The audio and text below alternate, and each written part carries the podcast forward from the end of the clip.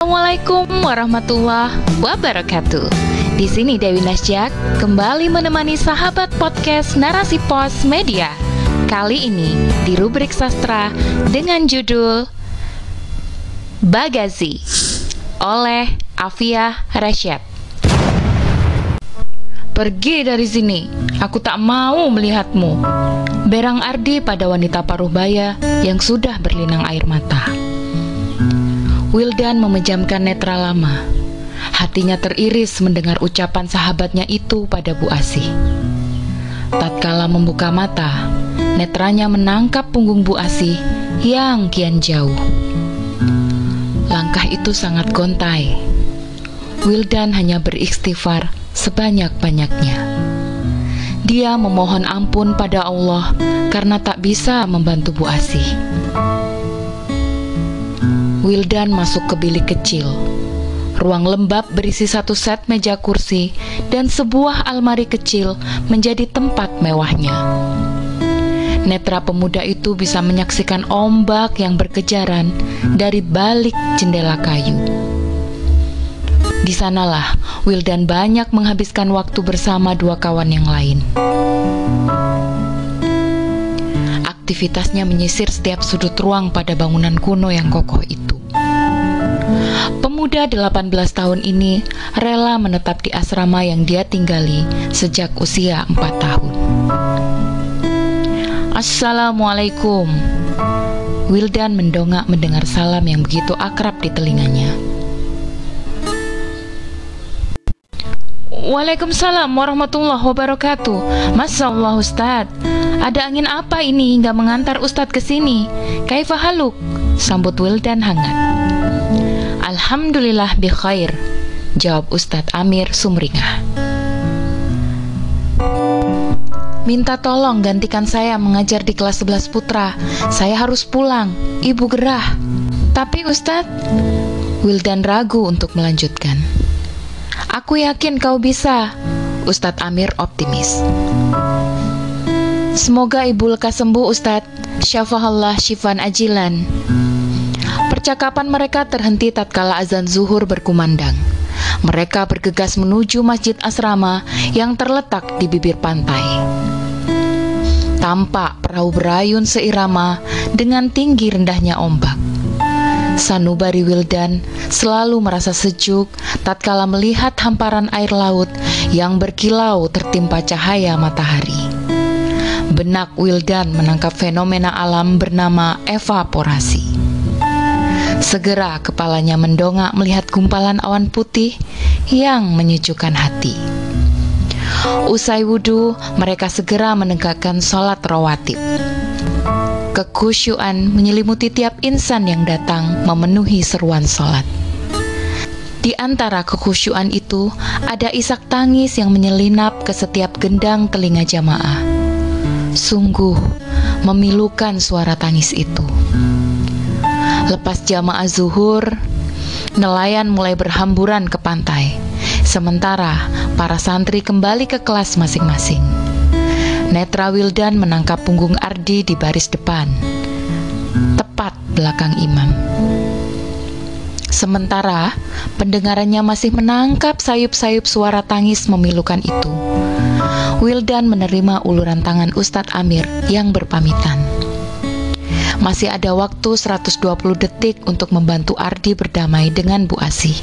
Akal Wildan tak mampu menalar kenapa Ardi enggan betul bertemu Bu Asih.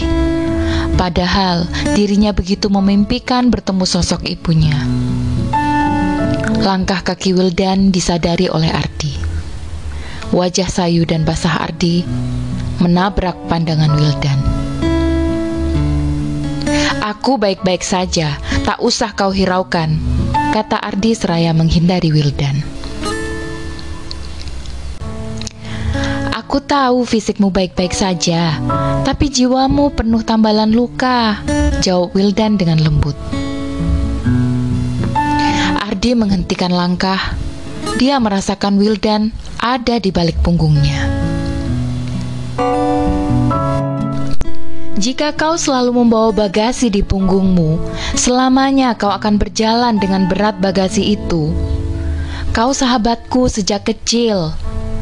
Bahkan aku memimpikan bisa melihat ibu kandungku meski sekejap saja dan meski dalam mimpi.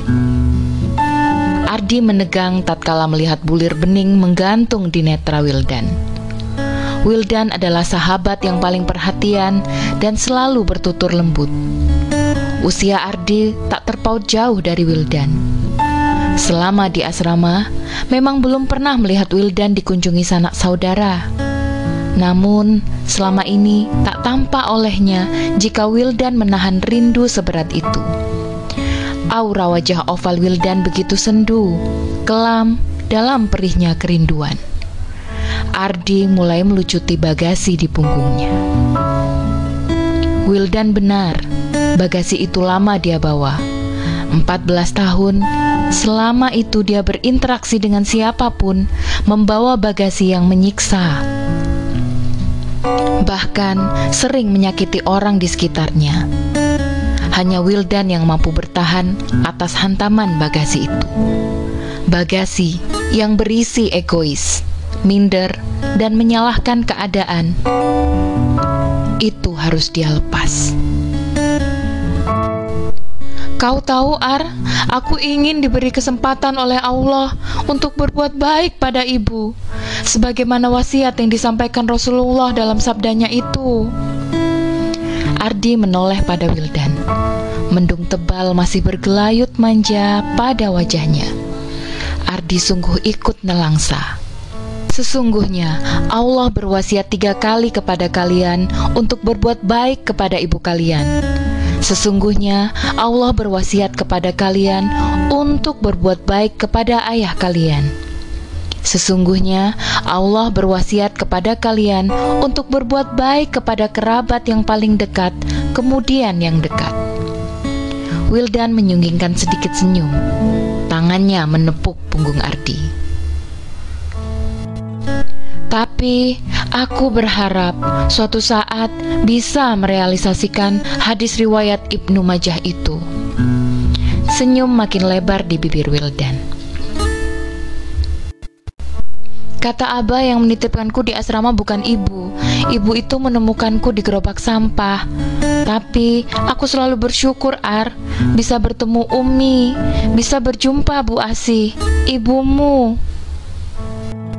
Dari mereka aku merasakan samudera kasih sayang.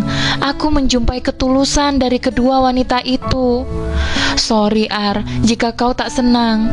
Tapi aku harus mengatakan kalau Bu Asih sudah menjanda sejak kau ada di asrama ini. Ardi terbelalak. Bagaimana mungkin kabar itu tak dia dengar? Itu berarti ibunya menjanda sejak 14 tahun silam.